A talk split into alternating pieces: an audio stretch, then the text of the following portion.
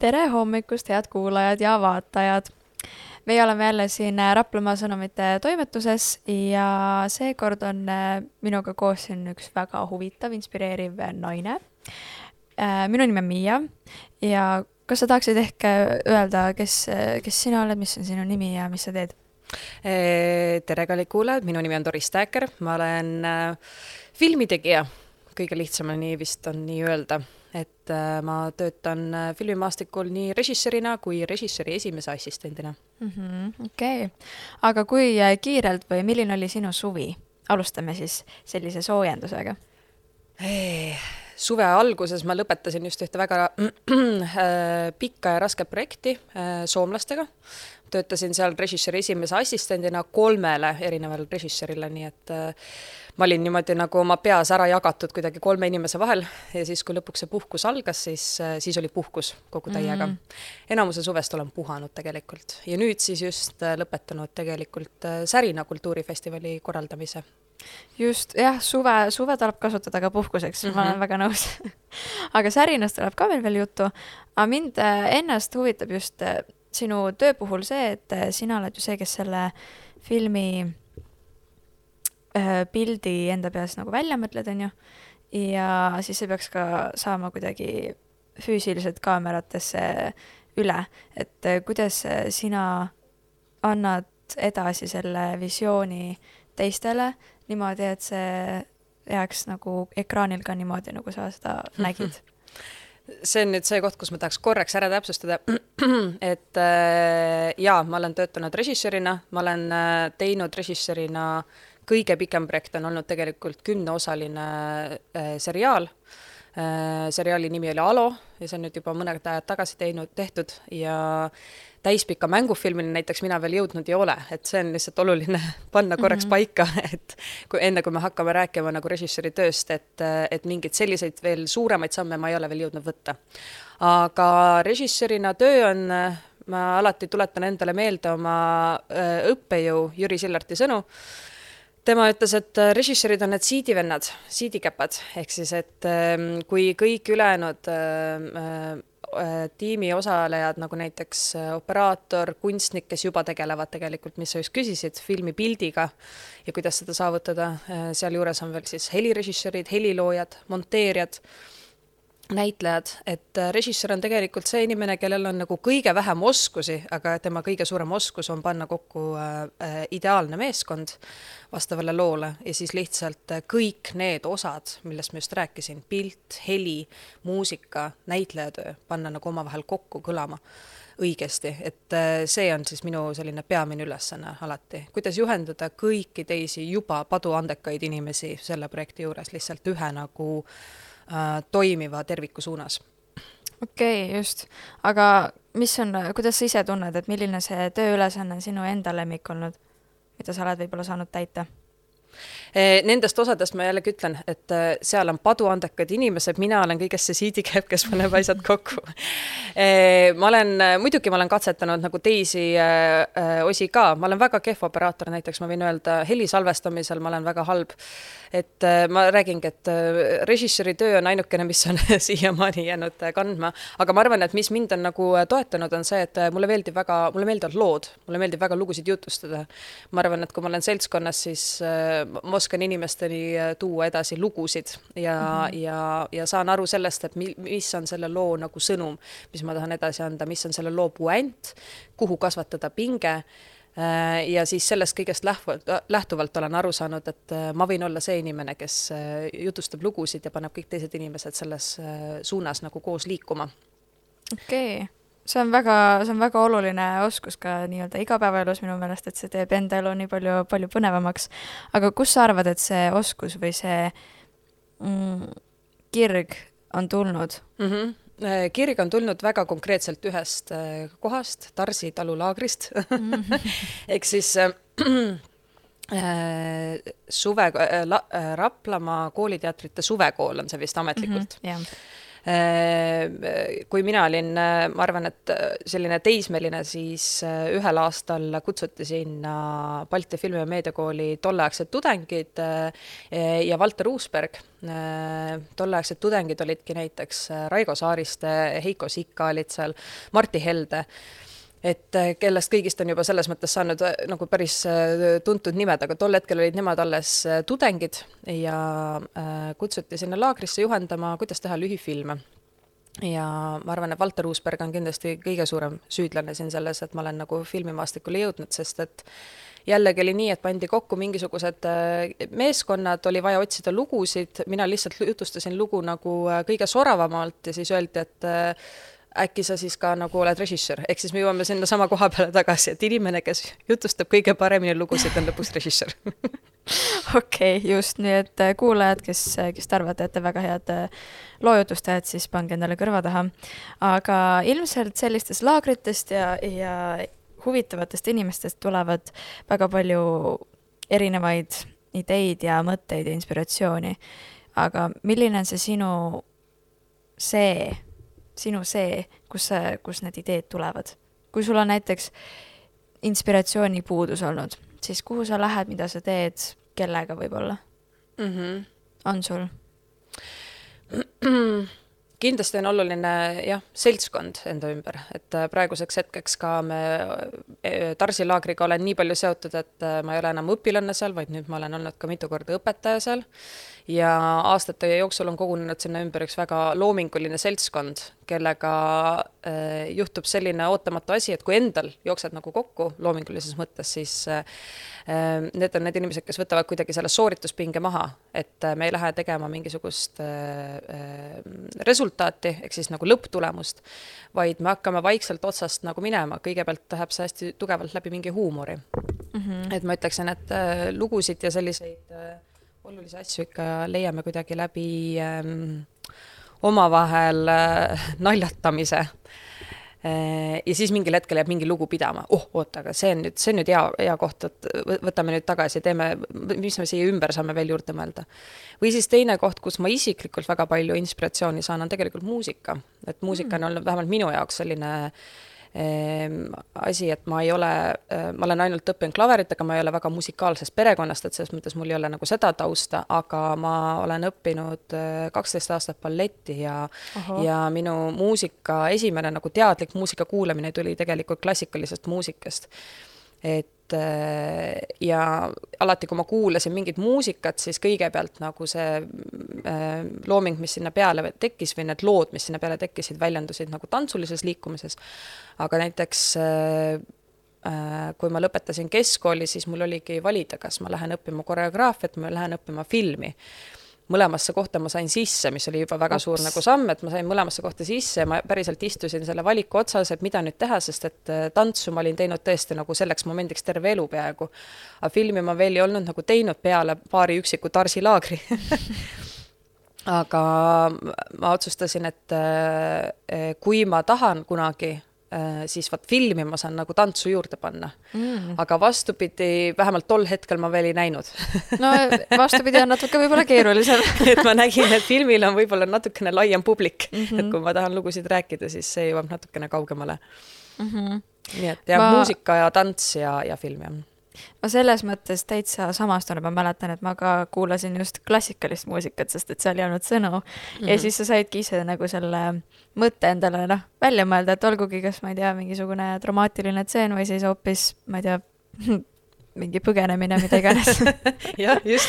et äh, ma ei mäleta, kes seda täpselt ütles, aga, aga no see mõte mulle väga meeldib, et, et nagu ka armastusel tegelikult sul ei ole sõnu vaja, siis äh, samamoodi on nagu muusikas, et sa tunned lihtsalt selle emotsiooni ära ja siis sealt sa hakkad seda kasvatama, et äh, see on äh, jah, väga suur inspiratsiooniallikas siis ilmselt paljudele inimestele. aga minnes tagasi Tarsitalu juurde mm, -hmm. siis alles mõni kuu tagasi, tegelikult kuu aega tagasi vist, siis äh, toimus järjekordne Tarsitalu laager ja seekord äh, tegite siis lühifilmi.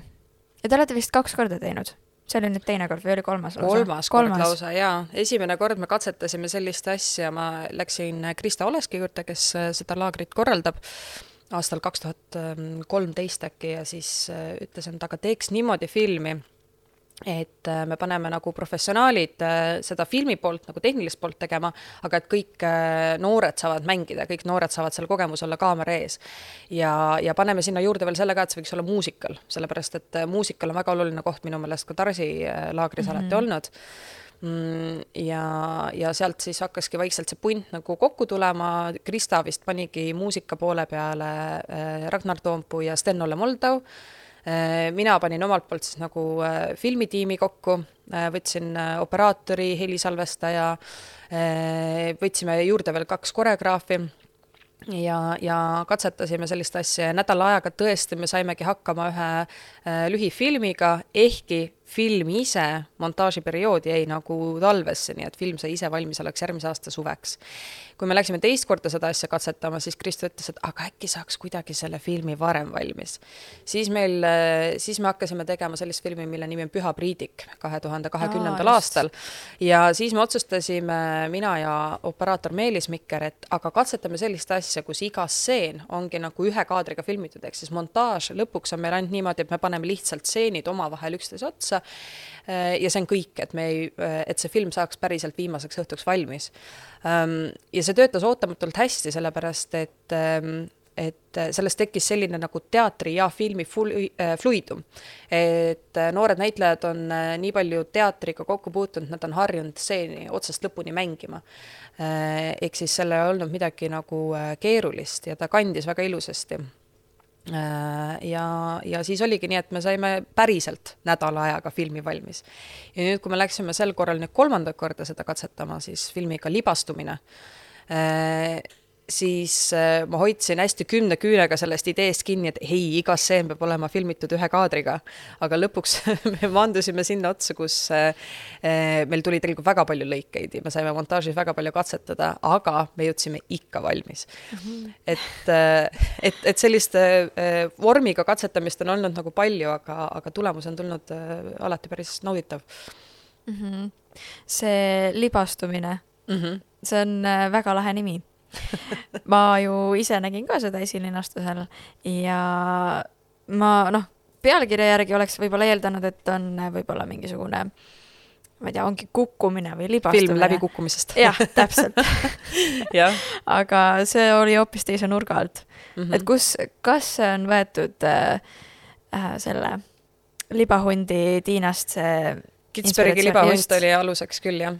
et et äh, siinkohal ma pean mainima ära, et äh, selle stsenaariumi autor on Ott Karto, kes on siis ka eelmise filmi Püha Priidiku stsenarist olnud.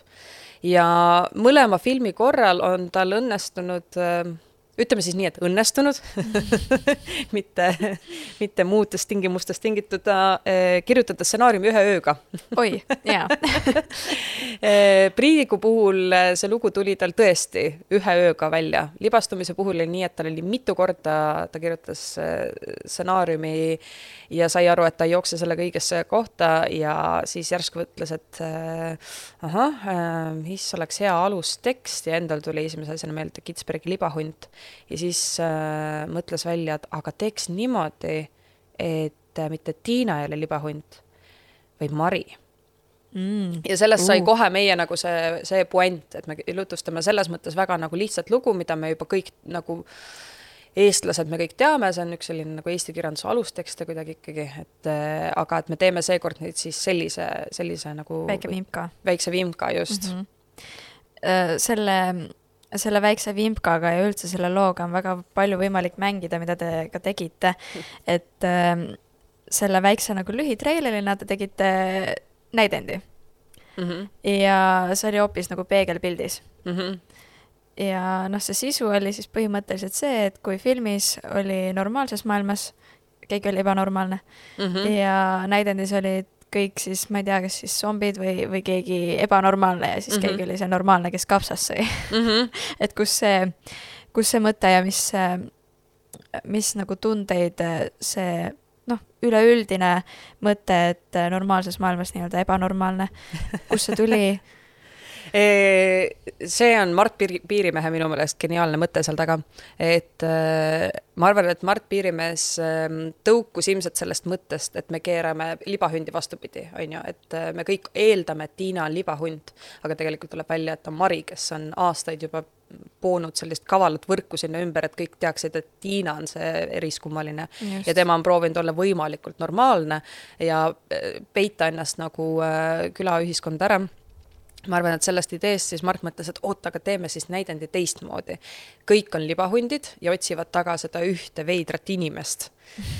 ja sealjuures on tegelikult veel kolmas kiht ja see on nüüd see miski, mida, mida äh, publik ei peagi teadma, aga on äh, see miski, mis ähm, Mart andis äh, näitlejatele ülesandeks. ja näitlejatele oli antud ülesandeks see, et nad kõik on inimesed aga nad teesklevad, on libahundid, et jumala eest ei saadaks jälile. okei okay.. jaa, ehk oh. siis me tegelikult, aga kogu see lugu ikkagi keerleb ühe sama nagu teema ümber. ja see on see, et mm, see on ikkagi täiesti nagu evolutsiooniline nagu instinkt, et me oleme, me oleme ikkagi karjainimesed või nagu karja -hmm. karjaühiskonnas karja, karja, karjaloomad. me ei julge erineda või siis vahel on selline tunne, et me ei taha erineda selleks, et jääda ellu ja see on ilmselgelt meid toonud väga-väga kaugele äh, ellujäämise mõttes. aga, aga jah, et julgus erineda ja, ja teistpidi nagu eri, erinevate inimeste nagu väljahüüdmine, kui olukord läheb hapuks, on mingi asi, mis on tegelikult inimestel väga tugevalt nagu sees, et et siin ei saa öelda, et üks on halb või teine on hea, et selles mõttes see on, see on miski, mis on meie nagu ähm, ellujäämise instinkt mm. -hmm. no selle instinkti alla käivad ka igasugused valikud mm. -hmm. ja ma küsikski, et äh, sa lõpetasid põhikooli ja Raplas nagu? ei, ei., ma lõpetasin põhikooli Tallinnas ah,. Okay, Tallinna kahekümne esimeses koolis. aga kuidas sa siis äh, Kristani jõudsid? Kristani ma jõudsin tegelikult niimoodi, et äh, Krista teab minu ema ah,. Okay. ja, ja, ja kuna mul oli teatrihuvi juba terve nagu põhikooli vältel ähm,, aga ma otseselt ei käinud kuskil kooliteatris, siis Krista lihtsalt ütles, et aga su tütar võib ju lihtsalt laagrisse tulla meile suveks ja siis oligi nii, et kui kõik teised läksid kooliteatri puntidega, siis mina olin täiesti üksik üritaja äh, ja nii palju võib-olla seost nagu Raplamaaga, et kunagi äh, äh, asus ka Käru asula äh, Alev Raplamaa all. et Käru on siis see koht, kust äh, on minu juured pärit. Aa, no ja kus on minu vanavanaisa ehitatud maja, mida me hetkel renoveerime ja plaanime sinna ka kolida, et mm. mingit pidi on ikkagi koha, kohaga ka seotud. okei okay., ühesõnaga Eesti on siis päris pisike aga kuhu sa edasi peale, peale seda kohustuslikku kooliskäiku läksid, mis otsuseid sa tegid? Äh, vot läksingi edasi teatrit õppima, et ma läksin Vanalinna Hariduskolleegiumi äh, teatriklassi, kus oli kolm aastat siis minu äh, õpetaja Lembi Peterson ja minu klassikaaslastest, kes on, kellest on hiljem näitlejad saanud, näiteks Jarmo Reha, Helena Lotman, Markus Tvene-Ninov, et, et nendega olin kõigiga samas klassis okei okay,, väga lahe. ja nüüd sa oled õppinud või noh, õppinud jah, teised õpivad siis, sina õpetad. Eesti Kunstiakadeemias siis äh, ja, ja kuidas sa ise tunned, et millised on need murekohad ja millised on need rõõmud, äh, kui sa saad koos noortega töötada? ma niimoodi muresid ei oska öelda, pigem on ikkagi rõõmud olnud, et äh, Kunstiakadeemias on selline huvitav asi, et ma õpetan fotograafidele filmi, ehk siis ma õpetan seisva pildi tegijatele, kuidas liik-, pilt liikuma panna mitte siis tehniliselt poole pealt, tehniliselt poole pealt jällegi on, on, on, on veel teisi õppejõude sealjuures, aga just nagu äh, idee poole pealt äh,. ja üks äh, selline koht, milleni ma jõudsin äh, töötades jah, foto, fotograafia tudengitega, oli see, et äh, ma sain aru, et nemad ei oska narratiivselt mõelda okay.. et nemad on harjunud mõtlema kontseptuaalselt, et neil on see üks pilt ja see üks pilt peab kõnelema ära kogu selle nagu idee või, või, või, või, või siis moto, mis nad tahavad justkui nagu edasi öelda inimesele mm. -hmm. Versus siis see, et meie filmitegijatena tegeleme narratiivina looga, mis jookseb ajas äh, alg-, äh, punktist A punkti B ja peab sellesama mõtte andma siis selle aja jooksul nagu ära et, äh, et jah äh,, ma arvan, et esimese paari aastaga ma hakkasin järsku alles aru saama, et aa, loo jutustamine ei ole nagu iseenesestmõistetav oskus. See ei ole mhm. halb, kontseptuaalne mõtlemine ole absoluutselt halb, lihtsalt need on täiesti teistmoodi et, et ehk siis jah, fotograafia tudengitele filmi õpetamine algab hoopis mingisugusest teisest nagu punktist peale. me alustasime jah, et kuidas rääkida lugusid, mis on loos olulised nagu punktid, mis teevad tast huvitava loo, kuidas elada kaasa peategelase, kes on üldse peategelane. võtsime kõik äh, kirjanduse äh, tunnis õpitud asjad välja nagu protagonist, antagonist et ja, ja hakkame sellest alles nagu edasi minema ja, ja tegelikult on nagu tulemused olnud hästi huvitavad, sest et ähm, äh, fotograafia tudengid tajuvad väga tugevalt tegelikult äh, žanri äh,, nad tajuvad väga tugevalt stiili, et need asjad tulevad nii suurepäraselt ette, aga vahel, vahel on nagu see, et, et kuidas jõuda loo algusest lõpp-punkti, on nagu natuke keerulisem äh, väljakutse nende jaoks. et see paneb enda, ennast ka nagu hoopis teise olukorda mm. -hmm. jah. see see on kusjuures väga huvitav, sest et alles see, see suvi ma kohtusin ka ühe äh, noh, siis kunstiinimesega, kes äh, tegi animatsiooni rohkem ja tegeles selle pildi, pildi valdkonnaga. ja ta rääkis, tegelikult me rääkisime üsna sama asja, et mm -hmm. küll me kirjutame sahtlisse, joonistame vihikusse, jätame need sinna ja paneme puslena kokku. et see on nagu väga huvitav, et kuidas tegelikult laias laatu-, laastus see tulemus või see eesmärk on meil kõigil nagu sama, on ju, aga see, kuidas me kõik läheneme, on nii erinev, aga samas niisama või noh, nagu väga sarnane, et äh, see, see on maailm, kus on veel nii palju ilmselt avastamist ja ise ka ennast nagu üllatamist. Ja pluss need meediumid praegu arenevad nii tohutus kiiruses, et ähm, mm, audiovisuaalne meedia on äh, näiteks viimase kahekümne aastal teinud tohutuid hüppeid, on ju. me, mina olen ikkagi nagu filmiharidusega selles mõttes, et ongi, et meil on lugu, me, kõik mõtleme pigem nagu täispika filmi tegemisest, mis on kuni poolteist tundi pikk lugu, on ju, kuidas seda lugu jutustada. aga ütleme, kahekümne aasta jooksul on juba toimunud äh, selles mõttes arengud, et äh, on tulnud teleseriaalid, on ju ja need ei ole enam televisioonis isegi, vaid need on siis äh, vaadatavad äh, siis erinevatel platvormidel mm -hmm. täpselt nii pikalt, kui sa ise parasjagu tahad, on ju. et struktuuri muutused on juba toimunud seal, et äh, me ei räägi enam pooleteistunnisest filmist, vaid me räägime noh, tavaliselt nelikümmend viis minutit ühte osa, siis järgmine osa, siis järgmine osa, siis järgmine osa. et see, see struktuur venib palju pikemaks, on võimalik ühe sama tegelasega palju rohkem seiklusi läbi käia, ütleme niimoodi sinna juurde äh, kõik, mida on nagu sotsiaalmeedia meile tootnud, on ju, et äh, mina olen kahjuks jäänud juba väga nagu rongist maha, aga meil on olemas noh, ma ei tea, Instagram Reels, TikTok, kõik siuksed asjad, aga see kõik jõuab ikkagi ühe sama kohani tagasi, et see hakkab sellest filmiõppest tegelikult nagu peale et, et audiovisuaalse meedia õppimine tänapäeva maastikul, ma arvan, et on kindlasti väga oluline, see, see muutub järjest kuidagi olulisemaks, sest et ühtpidi eh, jah, me võime õppida ju, kuidas neid eh, videoid teha ja sa võid õppida seda ka Youtube'ist on ju ise tegema, et sa saadki väga hea kaamera ja õpid lihtsalt ära, kuidas enam-vähem otsast otsani nagu need asjad ära teha.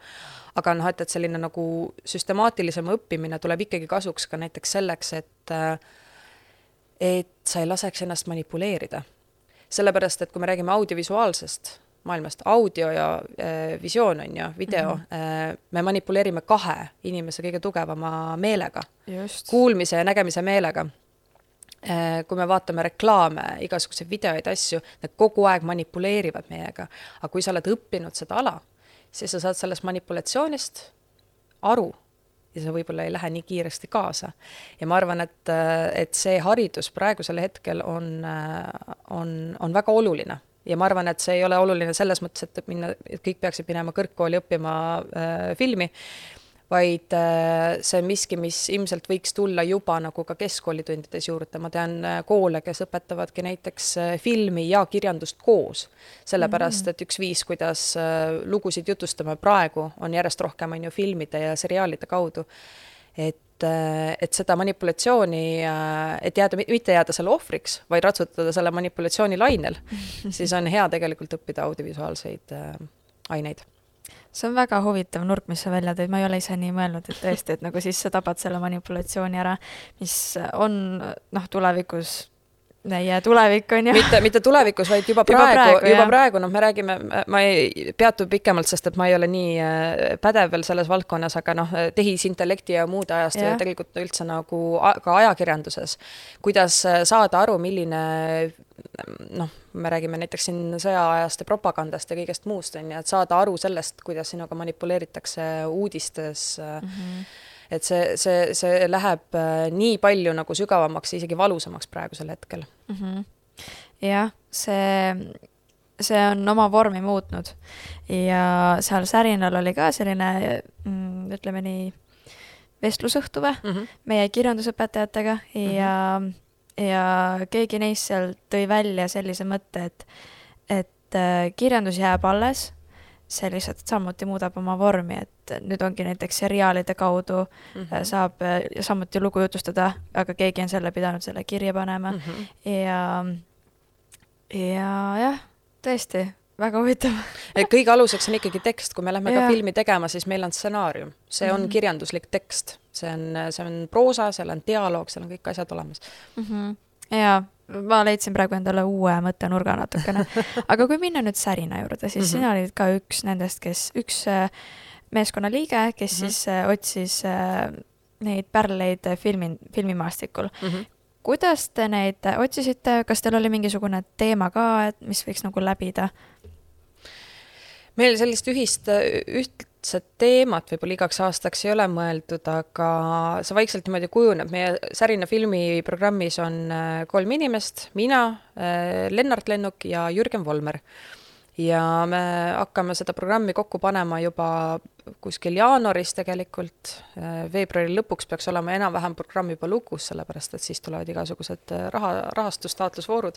et tegelikult see käib päris varakult ja sel aastal oli nii, et ähm, Äh, jaanuariks äh, ma olin jälginud äh, väga tugevalt siis Eesti dokumentaalfilmi edulugu nimega Savusanna sõsarad ja mille, mida, mille puhul mind seob ka see, et äh, Anna Hints, kes on filmi autor, on minu enda äh, kursakaaslane äh, Balti Filmi- ja Meediakoolist, selle filmi operaator on minu kursavend Ants Tammik, koolivend Tanel Kadalip on heli salvestanud seal peal, et neid tuttavaid inimesi, kes selle filmi juures töötasid, oli palju ja ma jälgisin seda lugu, sel-, seda nende dokumentaalfilmi nagu edulugu juba nagu ka sellepärast, et nad on minu enda nagu sõbrad ja filmikaaslased, et et see oli lihtsalt väga uhke tunne, ehk siis ma kutsusin nemad nagu selle pealt ja see, et see film sealt äh, jaanuarist kuni siis nüüd äh, septembrini on teinud nagu veel meeletu võidukäigu üle kogu maailma, oli lihtsalt nagu äh, boonus sinna otsa aga, aga et see, see kutsumine käis ikkagi jah, pigem selle pealt, et ma lihtsalt teadsin neid ja väga tahtsin neid nagu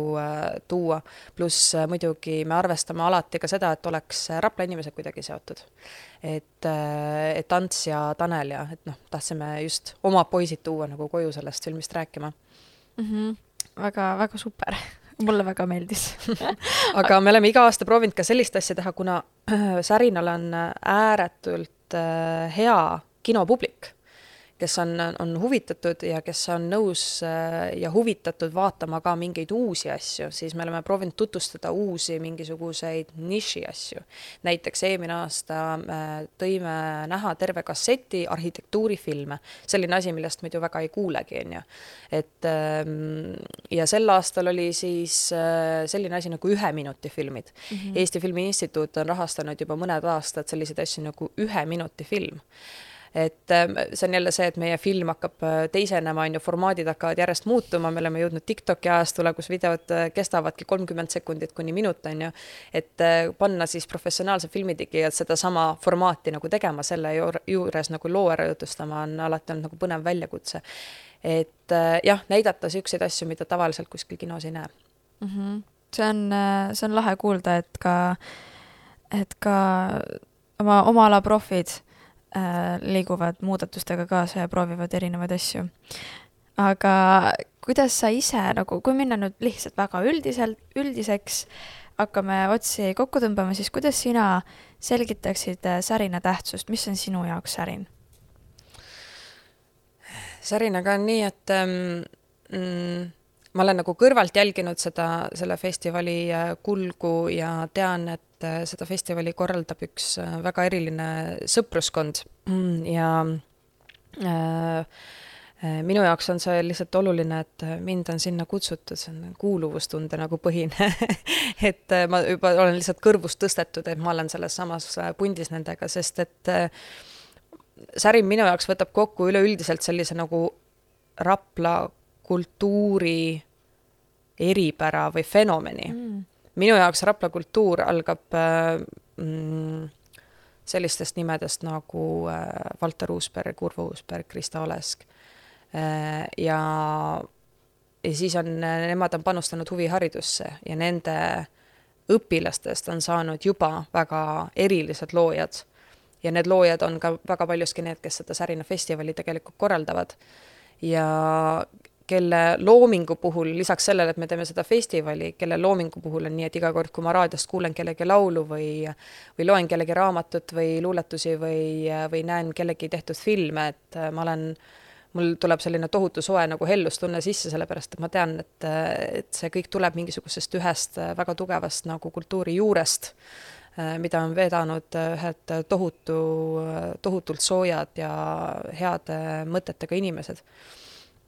Et äh, Rapla tegijad on kõik kuidagi eranditult äh, liiguvad alati positiivses suunas on andnud oma loominguga edasi alati positiivseid ideid ja kuidagi sellega nagu muutnud seda maailma nagu heledamaks.